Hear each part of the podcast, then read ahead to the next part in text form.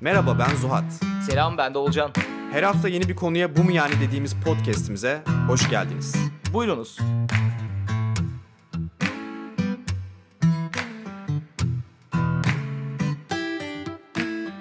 Selam millet. Söz verdiğimiz gibi arayı yine uzatmadık ve bu arada Deniz'den sonra biz ne direkt konuklu bölüm çıkmış oluyoruz değil mi? Biz sevdik galiba bu işi. Ve bakarsın araya bir bölüm atarız ya üst üste konuk olmasın dersen. En son onu dinledim. Benim de biraz endişem var bununla ilgili. Deniz'in enerjisinin üstüne zaten kimse çıkamaz abi. Yani biz aynen de öyle. dahil Umarım olmak üzere. düşürmem enerjinizi ama deneyeceğim. Elimden Hayır geleni abi. yapacağım. Abi 3 saattir konuşuyoruz. Millet bugün yanımızda zaten birçoğunuz biliyordur, bilenleriniz muhakkak vardır. Hem çok tanışmak istediğimiz hem de konuk almayı çok istediğimiz birisinin podcast çekmeye bugün canı istedi. Birazdan bunun hakkında da konuşuruz. Ve bize konuk oldu Oğuzhan Canım. Evet herkese merhabalar, selamlar. Hoş geldin abi. Hoş bulduk. Çok kısa bir tanıtmak gerekiyor bence. Bir sosyal girişimciyim ben. Hı hı. E, Askıda ne var ve. Kampüste ne var isminde iki farklı sosyal girişimim var. İkisi de üniversite öğrencilerine destek sağlayan, fayda sağlayan girişimler. Hı hı. Bir de On The Move isminde bir gençlik ajansım var. Üçüyle bir şekilde mücadele ediyor, devam ediyorum.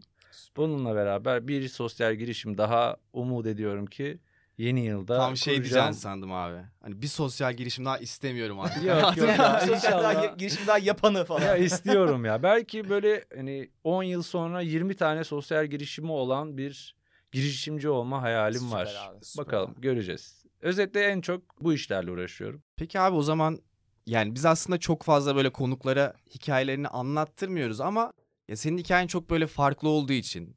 Çünkü içinde böyle bizim mesela hep konuştuğumuz fake it till you make it'in bir şeyi var yani hakikaten böyle hani sözlüğe koysan karşısına koyacağın bir hikaye var falan. Ya bu noktaya nasıl geldi abi işler? Yani ilk çıkış noktası neydi? Sonra para kazanmadığın dönemlerde mesela ne hissettin, neleri değiştirmek istedin ve en sonunda böyle bu noktaya getirdiğinde yani bu finansal olarak da sürdürülebilir ve insanların hayatına dokunan yani sosyal girişimcilik noktasına getirdiğinde. Bu arada abi sosyal girişimcilik konuşmaya başladık ama Evet. Biraz abi bunu anlatsana bize çıkış noktanı. Sanıyorum üniversite zamanında da hep iyi iş yapma hayalim vardı. Hı hı. Bir şekilde fayda sağlama içgüdüsü. Yani daha da derine inersek bence bu biraz annemle de ilgili. Böyle annem gerçekten dünya iyisi bir insan ve hep böyle iterdi bizi bir şekilde. İyi insan olmanın ne olduğunu veya sevmenin ne olduğunu ben biraz annemden öğrendiğimi düşünüyorum. Hatta ve hatta biraz daha abartırsam bu konuyu sündürürsem bu anne sevgisinin çok mübarek olduğunu düşünüyorum. Ne demek istiyorum? İşte annen eğer sana bir sevgi verirse sen istemesen de bunu veya bir yerden sevgi alırsan ki genelde ilk aldığın annen oluyor. İstemesen de insanlara vermeye başlıyorsun. Ama nefret böyle değil. Nefret mesela bir ailen bir kesimden Türksün, Kürt'ten, Kürtsün, işte Türk'ten bir şekilde birileri birilerine nefret ediyor. Sana bir ailen, etrafın insanlardan bir kesimden nefret etmeni söylüyorsa bir dönem nefret edebiliyorsun. Ama yıllar geçtikten sonra bir şekilde bu e, azalıyor ve bitiyor. Çünkü nefret mantıksız ama sevgide öyle bir şey yok. En temel inersem bence bir şekilde içimde bir insan sevgisi vardı. Mezun olduktan sonra yapabilir miyim bir şeyler, iyi iş yapabilir miyim derken baktım ki mümkün değil. Buna harcayacak ne vaktim var, ne enerjim var. Bir şekilde para kazanmam lazım. KYK borçları var, ödemem lazım yani. Para ihtiyacım var. Şirketlerde çalışmaya başladım. Bir yıl, iki yıl işte sonra çalıştığım şirket vardı. Oradan ayrıldım. Daha büyük bir şirkete girdim. Marka müdürü oldum bilmem ne bir sene, iki sene. Velhasıl ben hep bu şeyin peşindeydim. Ne yapabilirim diye. Sonra bir gazetede haber okudum. Kırıkkale'de bir restoran topladığı bahşişleri ihtiyaç sahiplerine yemek olarak dağıtıyor. Lan dedim yani Kırıkkale'deki bir restoran bile topladığı bahşişlerle insanlara yardım edince haber değeri taşıyor. Daha önce de askıda uygulamasını duymuştum Osmanlı'daki. Bir fırına gittiğinde iki ekmek parası ödüyorsun. işte poşete asıyorsun. ihtiyaç sahibi gelip alıyor. Hala da var abi. Hala da var. Semt fırınlarında falan. Var, var. Yani bence çok romantik bir iş bu. Bence de. E, ilk duyduğum gün ya dedim ne kadar ince, ne kadar nazik bir iş ya. Yardım ettiğin kişiyi görmüyorsun. O yardım alırken kimseye sormadan poşeti alıp sessizce evine gidiyor. Bunu iki haber kafamda bir şekilde birleşti. Ya dedim ben baskıda uygulamasıyla bu restoranlardaki kültürü birleştirebilir miyim? Restoranlara ben baskıda uygulamasını entegre edeyim diye bir yola çıktım. Bir web sitesi hazırlandı. Bir arkadaşıma rica ettim.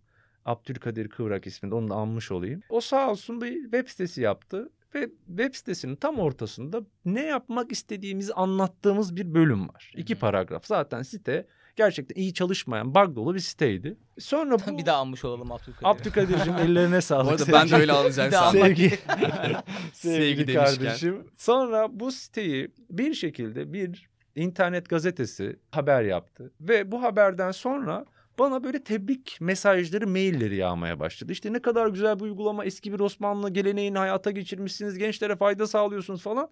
Şimdi orada bir karar vermek gerekiyordu. Hayır biz daha bir şey yapmadık diye tek tek açıklama yapmak veya susmak. Hı hı. Biz sustuk. Ve insanlar tebrik etmeye devam ettiler. Ve ben artık o kadar motive oldum ki evet dedim ya çok iyi iş yapıyoruz. hani iş bir şekilde o noktaya geldi. Sonra işte röportaj istekleri, röportaj veriyorum. Nihayetinde CNN Türk'ten aradılar ve sabah programı, sabah haberlerine gelir misiniz dediler.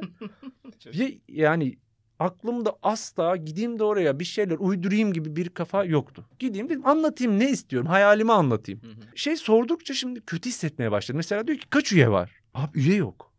Kaç restoran var? Yok yok yani yok ben şimdi yok diyemiyorum çünkü Şey artık yaptın? oraya Kaç restoran var? Değineceğim birazdan ama o da önce- yapmadım. Atmaya başladım. Daha kötü. Şaka yapıyorsun. Tabii canım soruyor mesela diyor ki kaç üye var? Bu kadar. İşte bir de böyle küsuratlı rakam atıyorum falan. 117 bir, bir şeyler böyle. Peki sordu o sordukça ben atıyorum ben attıkça o soruyor artık böyle bir Ah be, işin ben bu içinden hikayeyi bilmiyordum ya. ya Evet, e, Çok iyi. Bu arada bunu Oğuzhan'ın TED konuşmasından o görselle beraber izleyebilirsiniz hikayeyi. Ben ya bayağı komik orada. gelirken ikinci kere izledim. ikinci kere kahkahalarla güldüm. Velhasılı ben burada attım attıkça hanımefendi sordu ve böyle bir ka- kaotik bir yere dönüştü yani çekim. O benim için tabii onlar bunun farkında değil. En son bir yerde soruyor peki bu kadar güzel iş yapmışsınız sisteme kayıtlı kaç restoranınız var diyor. Bir bakışım var yani artık yalan atmaktan mağdur ve gözlerim böyle yalan arıyor şeyde stüdyoda. Şimdi bu hikaye şu an evet komik kabul ediyorum bunun komik olduğunu ama bana bir yandan da iyi hissettirmiyor. Keşke böyle yapmasaydım gerek yoktu buna. Yapmasaydın Ama bu an- hale gelmezdi ama. Ya belki gelmezdi. Burada şöyle bir içgüdüm var. İyi bir şey yapmaya çalışıyorum diye bir şey düşünüyordum. Doğru değil. İyi bir şey yapmaya çalışıyorsan da doğru yolla yap bence. Ama o zaman bir şekilde bunu yaptım. İnsanlar da bir şekilde bunu sempatik buldular sağ olsunlar. Ama bu programdan sonra işte fake it, make it tarafı geliyor. Yine işte tebrik mailleri. Bir tane mesela Ankara'dan bir holding ulaş dedi ki biz size destek olmak isteriz. Ben de dedim ki bizim broşür, pano, bilmem ne işte kart vizit şunlara ihtiyacımız var. Bunları verir misiniz? Bunları verdiler. Biz ben gittim tek tek Beyoğlu'na hatta Abdülkadir de sağ olsun yardıma geldi. Restoranlara astık bu panoları ve iş başlamış oldu. ya bunu ben böyle özellikle hani anlatmanı istedim. Yani komik olması, çok iyi bir hikaye olması bir yana aslında böyle biraz şeyi gösteriyor insana. Yani birçok insanın fikri var, iyi fikirleri var. Ama işte yeterli kaynağı olmadığı için de, bilgisi olmadığı için de, işte özgüveni olmadığı için de bir şekilde başlayamıyor ve hayal olarak kalıyor birçoğu. Ben de bir şey anlatıp sonra konuyu asıl konuşmak istediğimiz yere getireceğim. Benim daha bir tane sosyal sorumluluk projem vardı diyeyim artık. Bir yıldır Evet. yapmıyoruz. Gitmesek de görsek diye. İlk projeyi abi yapıyoruz. Doğu'da bir okul buldum. Diyarbakır, Silvan'da. Neyse böyle hocayla konuştum ne ihtiyaçlarınız var bunlar var topladım her- herkesten oraya gönderdim falan. Neyse abi okuldan bana dedim ki bana okuldan fotoğraf gönderin. Abi fotoğraf bir geldi herkesin gözleri çekik. Ben diyorum hocam diyorum doğru fotoğraf bunlar. Herkes Çinli gibi abi orada. Lan diyorum ne oluyor falan. Meğer abi orası Kırgız köyüymüş. Bu eski Uygur Türklerinden kaçanlar Van'ın Silvan köyüne yerleşmişler. Aa, Herkes şey Uygur. Ve tamamen Çinliye benziyorlar. Peki. Sonra bu olay böyle bir şekilde abi yayıldı falan. Beni Kırgızistan Devlet Televizyonu'ndan aradılar. bu arada atarım sana. Çok güzel YouTube'da, röp- Allah Allah. YouTube'da röportajım var. Sonra abi Kırgızistan Derneği falan beni arıyor. O zaman daha mekanım var Beşiktaş'ta. Ziyarete geliyorlar. Evde şu an Kırgızistan tabakları falan var bende. Şey dediler. Çok iyiymiş Biz ya. kendi vatanımıza buradayken yardım etmedik. Sen nasıl iyi bir adamsın ki bizim unuttuğumuz köye gittin buldun çıkardın yardım ettin. Bir de o Evet. zamanlar Levent Üzümcüler falan paylaşmıştı. Böyle güzel çapta bir hype de oldu. Çok tatlı işmiş. Kırgızistan Devlet Televizyonu geldi röportaj yapacağız. Dedim yapalım. İşte abi anlatıyorlar işte o köyü nereden buldun falan. Zaten duymuştun falan diyorum falan. Ve abi O köy hep benim fokusumda falan. Hep takip ediyordum. Çocukluk hayali. gözlerimi kısıp konuşuyorum onlara benzeyeyim diye falan. Neyse abi ben de bunun üzerine yattım. Sonra abi röportaj ben Türkçe verdim. Kadın Türkçe soru sormuştu. Evet. Ve Kırgızca dublajla Kırgızistan Devlet Televizyonu'nda yayınlandı. İnanılmaz. Şu an YouTube'da Kırgızca dublajlı bir videom var abi. Ya, çok Sosyal tatlı. sorumluluk üzerine. Çok tatlı. İzlemek Ben de onun isterim. üzerine yattım. Kesin atarım. Tamam. Ara ara açıp gülüyorum. Sen ben de o, hala. Oğuzhan'ın TED konuşmasını izliyorsun abi. Sen de Oğulcan'ın Aynen. Kırgızistan dublajı. Evet Aynen. abi. Çok sürreel bir konuşma yazacağım ben de. Süpermiş. Evet abi bizim Zuhat'la kaçırdığımız enteresan bir kelime varmış. Daha demin Oğuzhan söyledi bize. Good advertising diye. Evet. Açıklamıyorum ne olduğunu. Anlamadıysanız gidin. yok yok. Ya işte iyilik pazarlaması diyebilir miyiz? Diyebiliriz. Hı hı. Çok güzel bir kelimeymiş bu arada. Biz Bence bir de şekilde ya. kaçırmışız ikimiz de. Evet. Ve ya ilk senden duyduk abi. Çok az bu kelimeyi açmanı isteyeceğim ya. Bu daha bilgili, daha araştırmış olduğun için bu Ya konuyu. şöyle bence yani bencesi değil good advertising aslında sosyal girişimciliği bütün sivil toplum kuruluşlarını kapsıyor. E, Türk Eğitim Vakfı da tema da aslında good advertising yapıyor. Ne yapıyor? İletişim yapıyor. Hı hı. Ben diyor ki burada bir ihtiyaç var. Bu ihtiyacı gidermem gerekiyor. Destek olun diyor. İnsanlar oraya destek oluyor ve işte o dezavantajlı bölge veya işte dezavantajlı insanlar bir şekilde yardım almış oluyor. Şimdi burada yapılan çalışmanın tamamı bir iletişim çalışması. İyilik için iletişim çalışması. Haliyle sosyal girişimlerde sivil toplum kuruluşları da çektikleri videolarla, sosyal medya paylaşımlarıyla, yaptıkları konuşmalarla, PR çalışmalarıyla aslında yaptıkları şey good advertising olmuş oluyor. İyilik için iletişim, iyilik için pazarlama Hı hı. diye özetleyebiliriz. Benim yaptığım iş de haliyle bir sosyal girişimci olduğum için e buna giriyor. Bir de ajansım olduğu için. Markalar da bizden iyilikle, sosyal girişimle, sosyal sorumluluk projeleriyle veya gençlikle ilgili bir iş istediğinde hep bu eksende gezdiğimiz işler yapıyoruz diye özetleyebilirim bu kelimeyi. Peki abi ben burada kafama takıldı ister istemez bir şey soracağım. Mesela bu şimdi greenwashing dedikleri bir şey var ya. Yani bu iyi good advertising deyince benim aklıma hemen sürdürülebilirlik konusu geldi. Hı Bu hı. aralar böyle biraz daha trend bir konu olduğu için. Ama mesela bazı markalarda işte bunu greenwashing dedikleri bir şeyle itham ediliyorlar. Onu hemen açıklayayım. Yani aslında bu marka sürdürülebilir olmaktan uzak ama dışarı bir PR çalışmasıyla sanki çok sürdürülebilirmiş gibi bir imaj yaratmaya çalışıyorlar. Yani Çok iyi anladım. bu mesela good advertising ile bu greenwashing gibi şeyler nerede ayrılıyor peki sence? Yani hani bir önceki bölüm samimiyet konuşmuştuk ya. Mesela burada o ayıran çizgiye samimiyet dersek o çizgi tam olarak nerede duruyor mesela senin için? Ben şöyle bakıyorum. Kar odaklı mı değil mi? Hı hı. Şimdi bir şirket good advertising yapamaz. A, isim vermeyeceğim. Anlamsız olur isim verme. Ama Google dahil. Büyüklerden söylemeye çalışıyorum ki Google'da Microsoft dahil. Bu markalar good advertising yapamaz. Bunlar profit markalar. Hali bunların yaptığı şey bir PR faaliyeti olur. Biz şuraya köye destek olduk. Biz buradaki bilmem neye destek olduk. Niye? Labirent olalım. İnsanlar bizi sevsin. Bizim ürünlerimizi tüketsin. Bunun good advertisingle hiçbir alakası yok. Bunlar birer pazarlama faaliyeti. Good advertising dediğimiz şeyin kendisi sosyal fayda yaratmak için yapılan iletişim olarak tanımlanabilir. Hı hı. Ama ben şu anda bunun sözlük karşılığını söylemiyorum. Bu bencesi hala işin. Ben böyle konumlandırıyorum işi. Yani aslında günün sonunda bir kar odağı olmadığında yani. Evet hakikaten. olmadığında bir fayda için yapıldığında bence bu good advertising'e geliyor. Okey. İslam'da da öyle bir şey var ya işte bir elin verdiğini diğer el bilmeyecek gibi. Aslında bir elin verdiğini diğer ellere de söylüyorsun ki onlar da bir el atsın gibisinden. Markaların yaptığı biraz daha böyle bir şey oluyor. Hı hı. Zaten bizim de kullandığımız yani askıda ne var ve kampüste ne var en büyük gücü şu. Markaların bu bilinmeye olan ihtiyacını karşılayarak onların ürün ve bütçelerini alıp üniversite öğrencilerine aktarıyoruz. Yani aslında biz kapitalizmin bu agresif tarafını iyiliğe döndüren Evet. bir silah oluşturduk.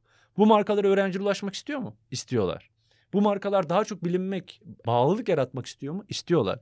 Ben onlara diyorum ki sevgili marka gel bu öğrencilere ulaş. Bu öğrencilere iletişim yap ama bunun için de şu kadar öğrenciye işte X bir sürü süre çalıştığımız için söyleyemiyorum ama bir, bir kıyafet markası diyorum bunlara ulaşmak istiyor musun? Evet istiyorum. Ver 100 tane 250 liralık hediye çeki bu çocuklara. Gitsinler kendilerine kıyafet alsınlar ben de sana onlara iletişim yapma imkanı sunayım.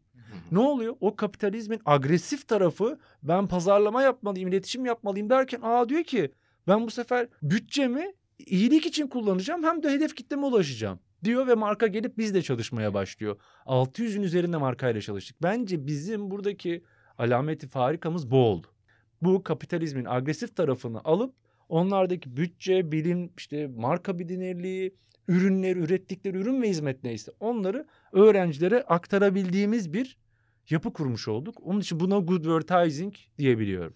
Çok güzel bir şey değindi. Tam böyle benim kafamdaki soru işareti olan bir konuyu böyle güzel açtı.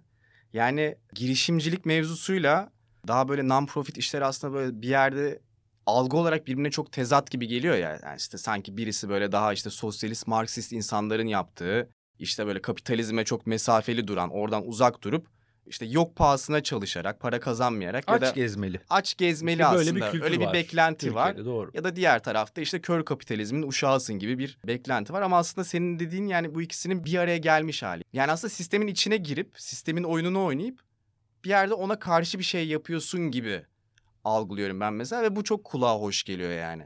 Ben bu konuda biraz şanslı bir yerdeyim. Yani bu gerçekten kolay kurulabilir bir model değil ki ben böyle bir model kurmayı hayal etmedim.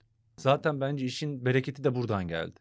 Ben sadece çocuklar restoranlarda yemek yesinler diye bir projeye başladım. Ve tek hayalim bu insanlar yemek yesin. Ben kendi işime gücüme bakayım. Hem de vicdanım rahatlasın. İyi istediğim kendimi. Aa, bugün işte 100 öğrenci, bugün 500 öğrenci yemek yedi diyebileyim diye düşünerek başladım. Ama sonra iş kendi kendine böyle bir hareketlendi. Haberler, işte ünlüler. Yani en basit örnek Ceylan Ertem mesela. Bir tweet attım Ceylan Ertem'e. Dedim ki Ceylan Hanım konserleriniz için iki bilet verir misiniz askıda ne vara? Oğuzhan dedi bir daha bana sormana gerek yok. Her konserim için dört çift bilet bırakıyorum dedi. Ve bunu yıllarca devam ettirdi. Şimdi Ceylan Hanım bu desteği verince ya dedim ki insanlar destek olmak istiyor. Bu o kadar mübarek, o kadar güzel bir an ki. Demek ki de başkaları da olabilir. Sonra Ceylan Hanım'dan destek istedim. Başka sanatçıları yönlendirir misiniz diye. O Mabel Matiz'e yönlendirdi. işte bir sentezere yönlendirdi. Sonra onlar başkalarına, o başkasına bu karanfil el, elden ele mevzusu var ya. Ben bugün teşekkür etmeye kalksam askıda ne varın geldiği yerle ilgili mübalağasız 200-300 insan çıkar. O yüzden mi Haliyle. İngiltere'ye kaçıyorsun abi? Haliyle Baktı çok çoğalmış. yani Canım istemedi. haliyle bu benim başarım da değil. Bu kadar büyük bir community bu işte hep biri kitap verdim. Şimdi mesela Ceylan Hanım bu desteği verdikten sonra biz ne yaptık? Yayın evlerine gittik. Kitap verir misiniz? Veririz. İletişim yayınları, can yayınları, alfa yayınları hepsi destek oldular. Sonra ya dedik kitap veriyoruz. İşte sanatçılar bilet veriyor. Ne verip kıyafet verebilir miyiz? İşte mavi cins kaft yani kaft ilk gün itibariyle daha ortada hiçbir şey yokken destek olan markalardan. Sonra sonra sonra derken işte Teknosa geldi çalışmaya başladı. Ford Otosan'la çalıştık. Vestel, Regal bir sürü marka. Bu insanlar gerçekten o karanfili elden ele dolaştırdılar. Şimdi siz birinci gün bunun hayalini kursaydınız bu işin olması imkansızdı. De kuramazdın abi. Kurulabilecek Böyle bir hayal bir yapıyı değil. nasıl düşün kuracaksın? Evet haliyle bu iş ilk 5 yıl bir kuruş para kazanmadı. Vazgeçmeyi düşündüm mü? Yüzde yüz düşündüm. Çok zor. Ya bu fakir edebiyatını sevmediğim için girmiyorum ama hani sadece diyeceğim Sen anlat abi bizimkiler çok seviyor. çok zor günlerdi ya. Yani Eskişehir'de bir ödül törenine davet ediliyorum üniversitenin. Ya yol paranın olmaması kadar mantıksız bir şey olabilir mi? Yılın girişimcisi seçilmişim abi. Böyle bir mantıksız olabilir mi ya? Niye? Görüntü çok iyi. Binlerce öğrenci faydalanıyor. Ama gidemiyorum ödülümü almaya gidemiyorum. Hatta yanlış hatırlamıyorsam o dönem şey demiştim e, kulübe.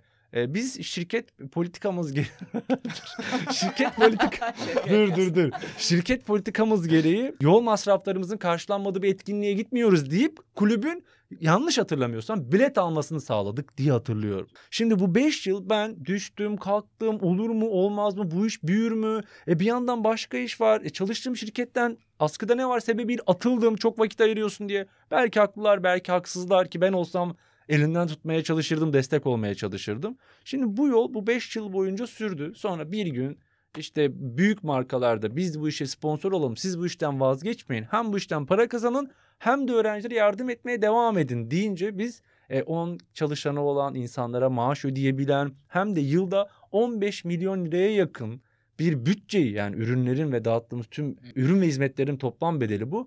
100 binden fazla üniversite öğrencisi aktaran bir platforma dönüşebildik. Bu baştan kurulsaydı böyle olmazdı. Bunun içerisinde mesela nasıl motive oldun? Abi hangi bilmiyorum. Yıllar geçti. Ben işte çok zorlandığım bir gün Onur abi. Onur Öztürk. Çok sevdiğim bir arkadaşım. Onun yanına gidip sığındığımı hatırlıyorum. Abi olmuyor ya. Ben bu kadar güzel iş yapıyorum. Yılda o zaman 60 bin öğrenci faydalanıyor. Olmuyor abi. Büyütemiyorum deyip o beni sağ olsun anlatırdı. Oğlum bak bunları yaptım. Bunlar kolay iş mi? Şu kadar markayla çalıştım. Beni motive ederdi. Sağ olsun var olsun. Bunun gibi Burak Arkun başka bir arkadaşım. O beni motive ederdi. Haliyle ben şimdi nereden bileyim ben buraya kadar nasıl geldim? Bu iş buraya nasıl büyüdü? Bu kadar insanın desteği var. Bu bence planlansa yapılamazdı ama bir şekilde yapılabildi ve beni çok mutlu eden, hayatımı ummadığım bir yere götüren ve bu kadar sosyal fayda yaratabildiğim bir işe dönüştü. Yani good advertising de var işin içerisinde. Motivasyon da var bunun içinde. Düşmek var, kalkmak var. İnsanların birer birer desteği var. Yani mesela şu anda şöyle bir içgüdüm var. Olsan Emin Çapa'dan da bahset. O da çok destek oldu. Olsan Nevşin Mengü de destek oldu. Bir sen onu söylemezsen ayıp olur mu? Kafamın bir tarafında sürekli bu çalışıyor. Çünkü mahcubum. Karşılıksız bu insanlar benim yanımda oldu. Adını anamadım. Aklıma gelmeyen şu an. Ve bu işin bir şekilde bir parçası olmuş herkese tüm kalbimle çok teşekkür ediyorum. İyi ki varsınız sevgili dostlar. Bunu da burada anmış olayım. Bu kafamın arkasında çalışan En şey azından teşekkürlerden bir 5-10 tanesi azaldı abi. Mahcubiyet biraz daha. Abi tam da aslında bununla ilgili bir şey soracaktım ben de. İşte bu teşekkür etmek istediğin insanlardan hani böyle mahcubiyet hissediyorum. O kadar karşılıksız yaptılar dedin. Ama bir yandan da aslında aynı mantıkla birçok insanın da sana karşı mahcup olması gerekiyor. Çünkü sen de işte 4-5 yıl hiç para kazanmadan, işinden atılmak pahasına, karşılık beklemeden bu işi yapıp o insanlara bir fayda yarattın ve burada çok giremedik ama senin TED konuşmanda aslında o ilk hikaye var ya, jeton hikayesi. Yani seni hiç tanımıyorken yolda gelip sana birkaç jeton alıp ve senin teşekkür etmene bile fırsat vermeden yani o YouTube videoları görüyoruz işte adamın cebine para sıkıştırıyor. İşte teşekkür etmesini bekliyor, video çekiyor. O bile değil. Yani hani senin jetonun olmadığı için üzülüyor, gidiyor, jeton oluyor ve gidiyor ve sen ona teşekkür etme fırsatı bile bulamıyoruz. bulamıyorsun. Onu bile beklemiyorsun. Peki ya bu kadar yol geldikten sonra işin biraz daha böyle derin, daha psikolojik felsefi tarafına gitmek istiyorum. Sence bir insanı hiç tanımadığı başka insanlara yardım etmeye iten şey nedir? Ben mesela bu ara bu konu hakkında çok düşünüyorum. Biraz böyle kendimi bencil hissediyorum ister istemez. Çünkü çok malum şeylerden dolayı etrafımızda birçok insan zorluk çekiyor. Ve ben aslında günün sonunda bir şekilde kendimden bir şeylerimden kısıp, daha lüks diyebileceğim şeylerden kısıp bu insanların hayatında çok daha büyük değişimler sağlayacak şeyler yaratabilirim. Hı hı. Kendi gücüm çerçevesinde ama hep işte kendime bir şey söylüyorum. Çok yapmıyorum. Mesela bu ara işte şey yapmaya çalışıyorum elimden geldiğince. İşte çok fazla hani size de oluyordur. Sokakta insanlar gelip para istiyor. Hani her gelene bonkör bir şekilde para vermeye çalışıyorum. Yani bir şekilde en azından diyorum ki ya eskisi gibi ya ben mi kurtaracağım milleti demeyip ucundan tutuyorum diye. Sence bu bende çok fazla olmayan, sende olan, Olcan'da olan yani karşılıksız insan kendinden feda ederek insanlara yardım etme isteği nereden geliyor? Şimdi ilk aslında bahsettiğim konu var ya ilk annemden başladım konuya. Ben şimdi bu çok edebiyat geliyor bana. Biri bana söylese belki inanmam. Hani ama var olan bu. Hı. Onun için böyle anlatacağım. Çok katılıyorum abi. Ben de Ee, sevmek bende de anneme çıkıyor hep. evet sosyal abi bana aynen ya abi yani Beni sevmeyi annem sevmiyormuş değil mi? ha ya o değil abi sen ne algıladın onunla da ilgili. Annen sana o sevgi verdi ama sen onu başka bir şeye evirip çevirmiş de olabilirsin. Ya bu arada öyle. Ben Böyle bir şey bu yani. Sen annen seni çok sever ve sen çok iyi ressam olursun. Evet. Böyle bir şey Ben bu. de Sevmekle ilgili. Şey hatırlıyorum abi. Çok kısa girdim mesela böyle birine yardım götürmek için mesela akşam işten çıkıp böyle bir saat yol gidip mesela bir şeyler götürüp erzak merzak falan mesela eve geri dönerdik mesela.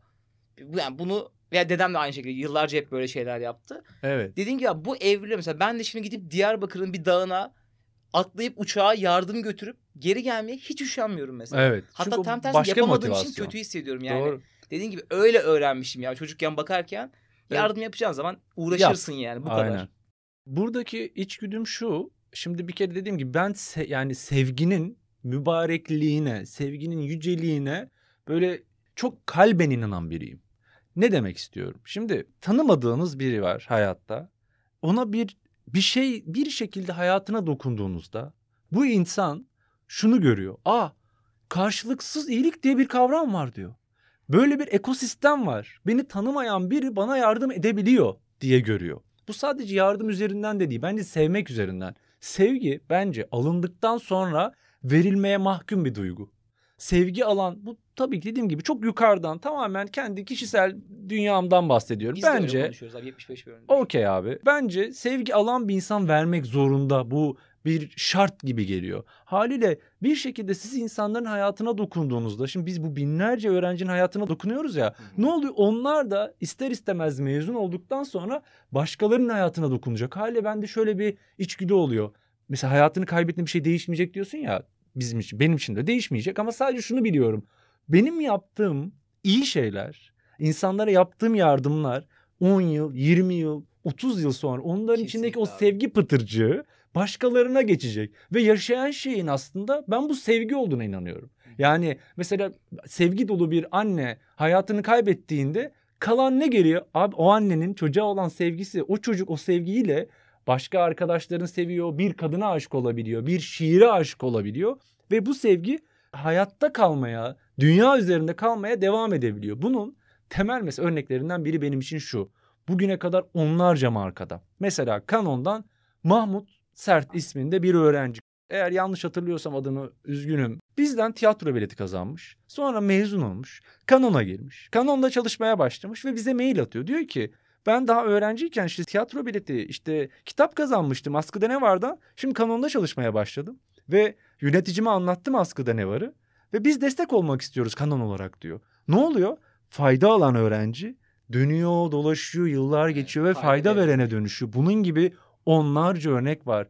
Bursa Keb- Kebap Evi diye bir restoran var. Unilever'de aynısını yaşadık. Şu an Teknosa'da çalışan Efe diye bir arkadaşımız var. Bizden faydalanmış. Teknosa'da çalışıyor ve bizde işbirliği yapıp öğrencilere yardım ediyor. Anlatırken tüylerim diken diken oluyor. İşte bu yani bu hayata dokunmak, insanların hayatına olumlu bir etki bırakmak, insanları en azından buna motive etmek. Böyle bir ekosistemin varlığından haberdar etmek beni heyecanlandırıyor.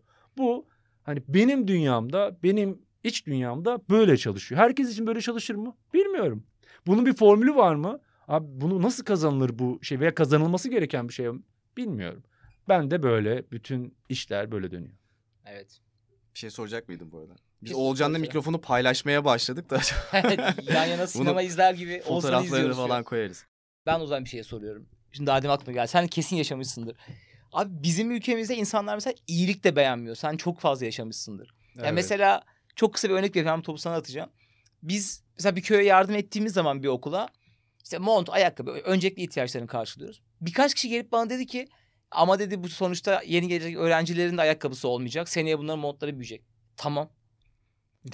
E yani falan. şey bu diyor abi bu sürdürülebilir bir yardım değil. Okey farkındayım. Evet. Evet haklı. Aynen. Bu kadar büyük bir organizasyon şu an kuramıyorum. Evet. Ama en azından elimden şu geliyor benim.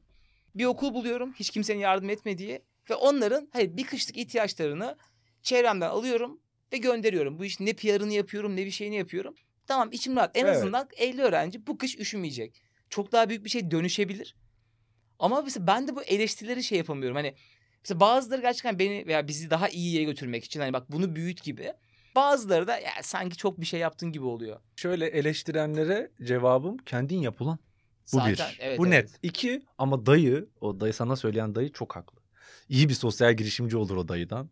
Çünkü şu biz sosyal girişimciler sosyal sorumluluk yapan kişileri, insanlara, markalara birazcık şey yaparlar. Dürterler onları. Hani doğru değil bu yaptığın diye. Mesela senin yaptığın bir sosyal sorumluluk projesi. Bence müthiş iş. Yapılması gereken bir şey. Birileri de bunu yapacak. Ama kıymetli olanın bu ekosistemde hep şu konuşuluyor. Bir sistem kur. Yaşayan bir projeye dönmesi Evet değil mi? ve bu ayakkabı eğer vereceksen her yıl verebil onlara. Hı hı. Yani bir sistem kur ki bu yaptığın, yarattığın fayda kendi kendine devam edebilsin. Sen sistemden çıksan bile bu yardım devam edebilsin. Bunu inşa etmek çok kıymetli. Ama inşa etmeden de ben de yapıyorum hala sosyal sorun. Bir yerden diyorum kitap verir misiniz bize bin tane veriyor. Gidiyorum bir yere veriyorum. Şimdi e, bu da sosyal sorumluluk. Ben de hala yapıyorum. Ama doğru olan tabii ki sürdürülebilir, fayda sağlayabilir, kendi kendine finanse edebilir bir model kurabilmek. Hı. Aksi halde ne olur? Bir kere yaparsın. Senin neyin olması lazım? Maaşın. Hayatını sürdürebilecek bir gelire ihtiyacın var ki bu işi yapmaya devam et. Hı hı. Bu işi yapabilmek için ürün ve hizmeti ilgili yere götürebilecek bütçeye ihtiyacın var. Bunlar kurulunca bu iş daha anlamlı hale geliyor. Aynen. Ama eleştirenler bok yesinler. Evet evet. Dediğin de her şeyi katılıyorum abi. Kesinlikle büyüyebilir. Ama büyütmeyip küçük tuttuğun için de Eleştirilmemelisin. evet eleştirilmemelisin Bence de. kesinlikle. Bence de. Yoksa bu daha demin konuştuğumuz şeye geliyor. İnsanı pasifliğe itiyor. Yani Evet evet. mesela başta bunu düşün. Abi ben bunu sürdürülebilir bir şey yapmadıktan sonra bir anlamı yok dediğin zaman hiç tanımadığın 50 tane çocuk o kişi soğuk geçiriyor. Hayır abi. Aslında hep senin bu işe başlayış adımın gibi. Biz de hep Zuhat'la şey diyoruz. Bir sıfırdan büyüktür. Aynen öyle. Tamam yap. ben az yapacağım hiç yap. yapmayayım diye bir şey yok. Yap. Evet. Az yap. Evet az yap. Ne oluyorsa Tabii görelim yani. Büyütebiliyorsan büyüt. içinden gör. Belki de canın istemiyor bırakırsın, sonra Bırakırsın. gibi. Tabii. Ya zaten aynı mantıkta insanı böyle şu noktada pasifliğe itmiyor mu? Yani böyle işte dışarıda insanların işte açlık yaşadığını, sıkıntılar yaşadığını görüyorsun maddi olarak. Ama şey gibi bir yani mükemmeliyetçi bir yerden yaklaşıyorsun. Aa ben ne yapabilirim? Hani ben bunu komple değiştiremem ki. İşte bu iktidarın işidir. Hani devletin işidir gibi bir yerden yaklaşıp hiçbir şey yapmamaya meyil ediyorsun. Ama kendi gücün dahilinde aslında ufak da olsa bir şey yapabilirsin yani. Tabii ki de tek başına bütün bir açlık problemini çözemezsin bir ülkenin belki ya da Ama bütün elinden dünyanın. geleni yaparsın. Aynen yani işte o deniz yıldızı hikayesi gibi yani. Evet. Bir kişinin en azından bir kış boyunca hayatına bir pozitif etki etmiş olursun. Yani evet belki sürdürülebilir olması çok daha tercih edilir bir şey. Kesinlikle. Ama hiç yapamamakla bir kereye mahsus yapmak arasında kaldıysan bence bir kere yapmak da hiç yoktan çok daha iyi yani. Bir sıfırdan büyük. Peki abi sana bir soru. Bu bizim kendi aramızda tartıştığımız bir şeydi. Bizim işte gitmesek de görecek ekibiyle, misinalarla falan. İyiliğin PR'ı yapılır mı? Kesinlikle yapılmalı. Bence de yapılmalı. Bu sadece aşağılayan bir tür dediğim mesela Ha, evet. TikTok'ta var sürekli. Gidiyor birine işte ne kadar abi bu simit işte 4 lira al abi sana 300 lira kameralar kayıtta bunu paylaşıyor. Abi evet. ya nefret ediyorum. Abi evet. Gerçekten sinirlerim oynuyor. Evet. Bu bir yardım değil. Bu aşağılık ve çirkin bir davranış. Bir gariban bir amcaya, dayıya gidip simit satan birine veya işte bir e, sipariş veriyorlar. Kapıya görevli geliyor. Ne kadar bahşiş olsa iyi olurdu. Adam da diyor ki 10 lira, 20 lira iyi olurdu. Al sana 400 lira deyip parayı veriyor. Abi Allah kahretsin sizi Abi ya. evet. Tövbe yarabbi ya. Bu iyiliğin PR'ı değil. Bu saçma sapan bir tutum. Aynen. İyiliğin PR'ı nedir? Siz bir kölün, bir köl ne ya? Gölün uyu... Türkçem tamamen bitti abi. Gölün kurumasını engellediyseniz bunun iletişimini yapın ki bunun mümkün Yayılsın olduğunu görsün bu insanlar. Buna çaba göstersin. Veya Siz- rakiplerin de buna özenip o Evet. da başka bir şey dokunsun, üstüne çıksın. Aynen öyle. Tarımsal pazarlama gibi Tülin Akın diye bir sosyal girişimci var. Bu tarımsal teknolojik metotlarla verimliliğin nasıl arttığını o yöredeki insanlara öğreterek onların daha fazla gelir kazanmasını, daha iyi ürün, daha sağlıklı, daha verimli ürün alabilmesini sağlıyor. Şimdi bu müthiş bir sosyal girişim örneği. Bu mantıkla çalışılması, bu mantıkla devam edilmesi gerekiyor diye toparlayabilirim. Bence de evet. Çünkü şey var ya bizim işte daha Zuhat'ın bahsettiği. işte bir elin verdin diğeri görmeyecek. Hemen bir... Abi okey yapsınlar. Sonuç olarak hani dediğin gibi birini rencide etmedi. İyilik yaptı. Bunun üzerinden prim yapmak istiyor. Okey. Prim yapsın ki prim yapmak isteyen diğer insanlar da özensin. Yani Tabii bir ünlü abi, prim şimdi yaptı okul yerde. Tarımsal Demet Akalın pazarlamayı... yaptı. Hande Yener de yapsın. Aynen abi. öyle. Tarımsal pazarlamayı al, ver televizyona ya. Duysun herkes. Bakın böyle bir iş yapılabilir. Şimdi mesela bu İzmir bölgesinde yani Aydın'da. Abi gitsinler bana da yapılsın. Başka yere de. Askıdene böyle üniversite öğrencilerine mi yapıyorum? Sokakta yaşayanlara yapılsın. Veya Givin diye bir uygulama var. İşte e, insanlar ürünlerini bağışlıyorlar Hı. ve onlar satılıp sivil toplum kuruluşlarına bağış olarak akıtıyor. Bu uygulansın. Bunun gibi diyeyim. Yuvarla diye bir uygulama var. Yani Hı. bunların iletişimi yapılmalı ki. Demek ki hala böyle ekosistemler var. Bir gölün kuruması engellenebiliyor. Bir üniversite öğrencisinin yurt masrafları, yemek masrafları karşılanabiliyor. Bir e, bölgede tarımsal verimlilik arttırılabiliyor. Van Gölü'nde adını unuttum. İşte e, inci kefallerinin soyu tükenmekteyken bu engellenebiliyor ve bunlar fikirlerle oluyor. Aynen. İyiliğin PR'ı yapılmalı. İyilik parlatılmalı, örnek olarak gösterilmeli ki insanlar da buna motive olup aa ben de şöyle bir sorun gördüm. Bunu çözmeye çalışayım desinler. Aynen. Bu böyle böyle büyüyen bir iş. Değil. Haliyle yapılmalı. Ee, Yapsın, kendini yaralı olduğum okey yerlere yani. dokunuyorsun sağ ol. Ben, Ben- de haliyle böyle kölün Fark kurulama, Ben de ne soru gibi- sormuşum. Aynen. Türkçem yok olana kadar Yok, Ben de konuşuyorum. bu konularda çok düşünüyorum abi çünkü. Çok da adımlar da atmaya çalıştığım için hep böyle kendi düşünce şeylerimi hep sana sordum. İyi güzel. ediyorsun. Abi benim de benzer bir şeyim var kafamda. Az evvel de söyledik ya sosyal sorumlulukla uğraşan insanlar sanki böyle açlıktan kırılsa mutlu olacakmış gibi başka insanlar gibi bir algı var. Evet. Sence mesela yani sosyal sorumlulukla uğraşıp bir insanın iyi para kazanması, rahat refah bir hayat sürmesinde bir tık böyle tabu gibi hissettiren bir taraf var ya. Sen bu konu hakkında ne düşünüyorsun abi mesela? Bunu merak ettim. Abi bence bu korkunç bir toplum algısı. Böyle bir bakış açısı var. Mesela şey var sanatçılar Sen- için de var Sen bu. şey yapıyor musun peki? Sana da geliyor mu bu bakış açısı böyle bir şekilde? ben bunu hissetmiyorum. Çünkü zaten bunu hissedebilecek kadar param yok. Yani bunun için çok zengin olman lazım ki aa ne oluyor desinler. Şimdi böyle bir şey zaten olmadığı için ben bunu hayatımda hiç duymadım. Hı hı. Ama bunu sektörde duyuyorum. Mesela bir sosyal girişimcinin kendimden bahsedeyim. İlk 5 yıl hiçbir şey kazanmamak ne demek ya? Böyle, ben ne yapayım abi? Neyle taş mı yiyeceğim ben yani? Bu mantıksız bir şey. Bir sosyal girişimci, bir vakıf çalışanı o vakıfta değil de o sosyal girişimde değil de bir şirkette çalıştığında en az alacağı para kadar para kazanması lazım. Ben şu anda Türkiye'de büyük bir şirketin pazarlama departmanında rahat rahat çalışırım ve x bin lira bu şu ana göre iyi diyebileceğimiz bir para kazanabilirim. Rahat rahat. Çünkü tek benim yaptığım pazarlama ilet iyi bir iletişimciyim. Şimdi bunu kazanabilirim. Ben burada daha mı az kazanayım? Sosyal girişim, sosyal fayda, sağlıyorum diye. Hayır, daha fazla kazanmalı. Fazla gıdanın işte Olcay daha fazla kazanmalı. Alparslan Demir bir yudum kitabın kurucusu. Ya bu adam binlerce insanın daha fazla kitap okumasına vesile oluyor. Daha fazla kazansın tabii ki bu çocuk. Böyle bakmak gerekiyor ama toplum şunu daha çok seviyor. Ya adam ne zorluklar çekmiş ama bak hala iyiliğin peşinde. Ya niye abi ben niye 5 yıl sonra şey çektim eziyet Abi çektim. eziyet seviyor gerçekten Yani eziyet niye de ya. bu, bu nasıl bir demagoji bu nasıl bir bakış açısı? Bunun üzerinden para kazanıyor. Aa, Abi tamam işte. Böyle bir saçmalık oldu. Fayda Ben yaratıyor halbuki ve para kazanıyor yani. keşke ben ilk gün itibariyle bir hayatım konforlu olsaydı da ben bunları daha fazlasını daha iyisini yapsaydı daha güzel değil miydi? Ama böyle bakılmıyor. Bu da toplumun işte o kırık, e, zaafı olan noktalarından bir tanesi. Burada da yine ne yapacağız? Kendimizi seveceğiz. Omzumuza diye bir öpücük Öpücük konduracağız. konduracağız ve devam edeceğiz hayatımıza. Kesinlikle. Ben de abi bunu sordum çünkü işte geçen Simon Sinek'in bir tane TED konuşmasını izliyordum. Çok iyi bir konuşma belki linkini falan ekleriz bir yerlere. Ya orada da aslında şeyden bahsediyor işte biz CEO'lara milyon dolar bonuslar veriyoruz ve bu normal bir şey. Ama günün sonunda CEO dediğin kişiye baktığında aslında kendi çıkarını gözeten biri. Yani bir ekonomik kriz olduğunda CEO'nun bonusu ya da primi kaybolmuyor. Aksine işte şirketin karlılığını koruyabilmek için bir sürü alt seviye, orta seviye çalışanı işten çıkarıyor.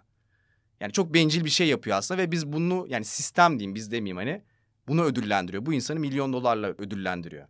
Ve şunu, şunu soruyor çok hoşuma gitti.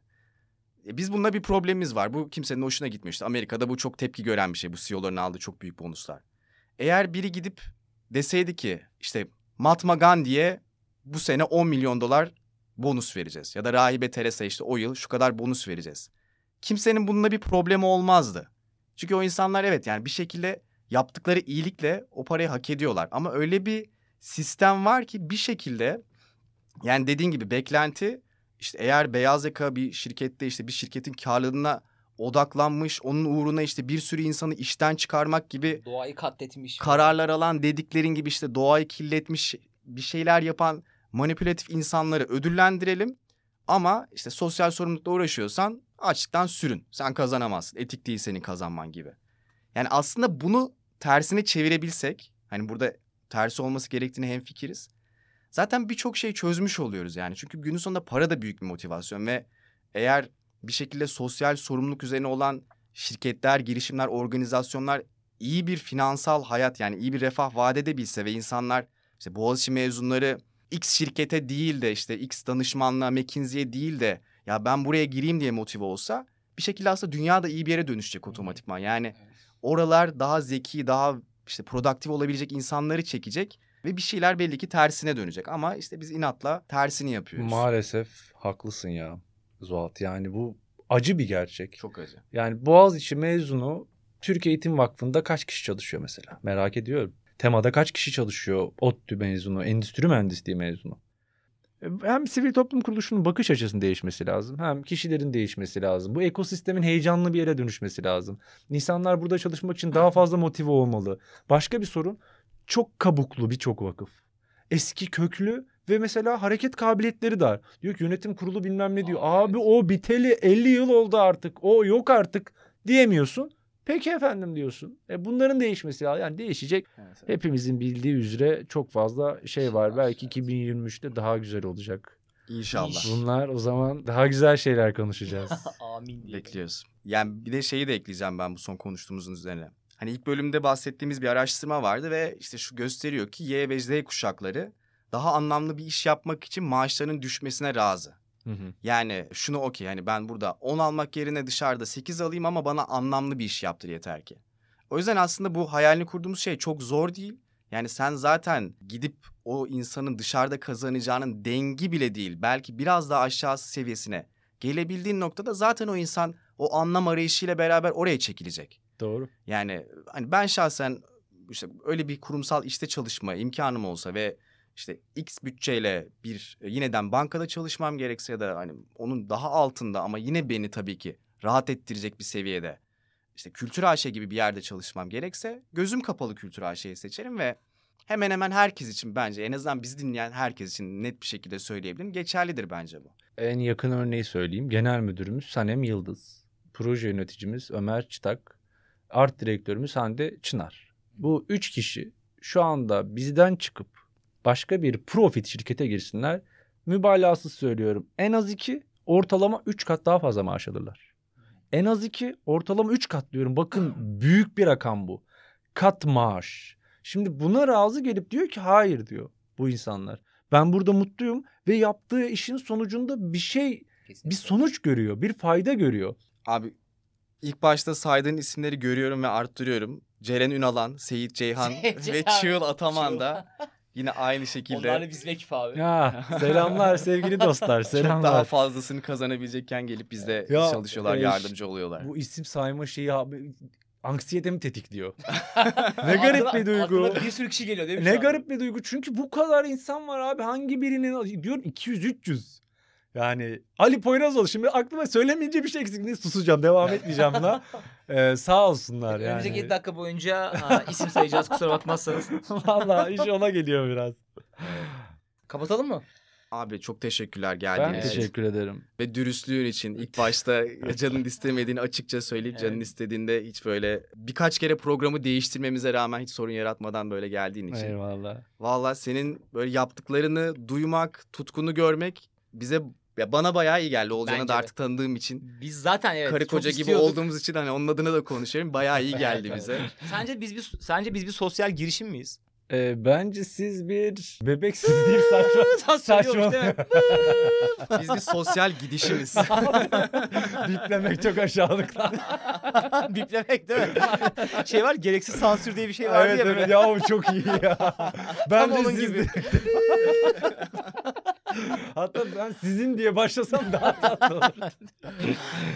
Eyvallah. Ee, Bebeksiniz deyip bitirmiş olayım. Bence müthiş iş yapıyorsunuz. Gerçekten böyle heyecanlıyım. Ne yapacağınıza dair. Geçmişe dair heyecanım yok. Güzel işler yaptınız. Bitti. Bundan sonra ne olacağını hayatınızda çok merak ediyorum. Sizin için güzel şeyler olacağını da tarihe not düşmüş olalım. Bugün ayın 8'i 8 Aralık çarşamba müthiş işler olacak. Müthiş işler yapacaksınız. Diken. Her gelen zaten böyle bunları duymaya Bunu- ihtiyacımız var. ya. Bunu görüyorum. Sadece odaklanıp böyle aşkla çalışmaya devam edin diyor. Gözlerinizden öpüyorum. Eyvallah abi. Tekrar tekrar ayağına sağlık. Çok teşekkür ederim davetiniz Umarım bizim gibi, umarım değil öyle olacağı belli. Herkesin kafası açılmıştır. Evet abi. Tabii gitmeden şey de bahsedelim abi. Askıda ne var? Kampüste ne var? Başka hani On böyle... Move diye bir şey On Move var. Buna böyle insanlar ne yapabilir, nereden girebilir, nasıl ucundan tutabilir, nasıl da faydalanabilir onu da E, bahsedelim. faydalanmak isteyenler askıdanevar.com'a girip Hı hı. e, öğrenci belgesiyle kayıt olabilir. Kampüste ne vardı da onu çok bir cümleyle anlatayım. Üniversite öğrencileri içerik yazarak para kazanabiliyorlar. Örneğin bir öğrenci teknoloji kategorisinde bir içerik yazdı, yayınladı. Hı hı. Haftanın en çok okunan ilk 20'sine girerse Hı hı. 100 lira nakit kazanıyor. Teknosa'dan da 500 liralık hediye çeki kazanıyor. Harika, Bunu her iyi. marka için yapıyoruz birçok kategoride. Askıda ne vardı da bütün askıdaki ürün ve hizmetlerden ücretsiz şekilde faydalanabiliyor. Bu öğrenci tarafı. Gönüllü tarafı ise gönüllerden istemiş şey olur. Takip edin sosyal medya platformlarımızı, hesaplarımızı. Takipçimiz büyüsün. Daha rahat marka ulaşabilin. Bu bir. İki, paylaşın. Bu paylaştığım içerikleri paylaşın. Bir üçüncüsü eğer dilerseniz de askıdanevar.com'a girip öğrenciler için kitap satın alabiliyorsunuz. Yemek satın alabiliyorsunuz. Böyle bütçeniz varsa bunu da yapabilirsiniz. Süper. Bunu yapamıyorsanız dediğim gibi paylaşın. Daha fazla insanın duymasına vesile olun. O bahsettiğimiz sevgi pıtırcığını bu da çok dandik bir kelime ama bunu olabildiğince fazla insana ulaştırmaya çalışın diyerek İyiliğin PR'ını yapın millet. evet Paylaşın millet. Bakın biz burada bir mikrofonu paylaştık bir bölüm boyunca. O zaman Haftaya kadar görüşmemek üzere millet. Kendinize iyi bakın. hoşçakalın. Hoşçakalın.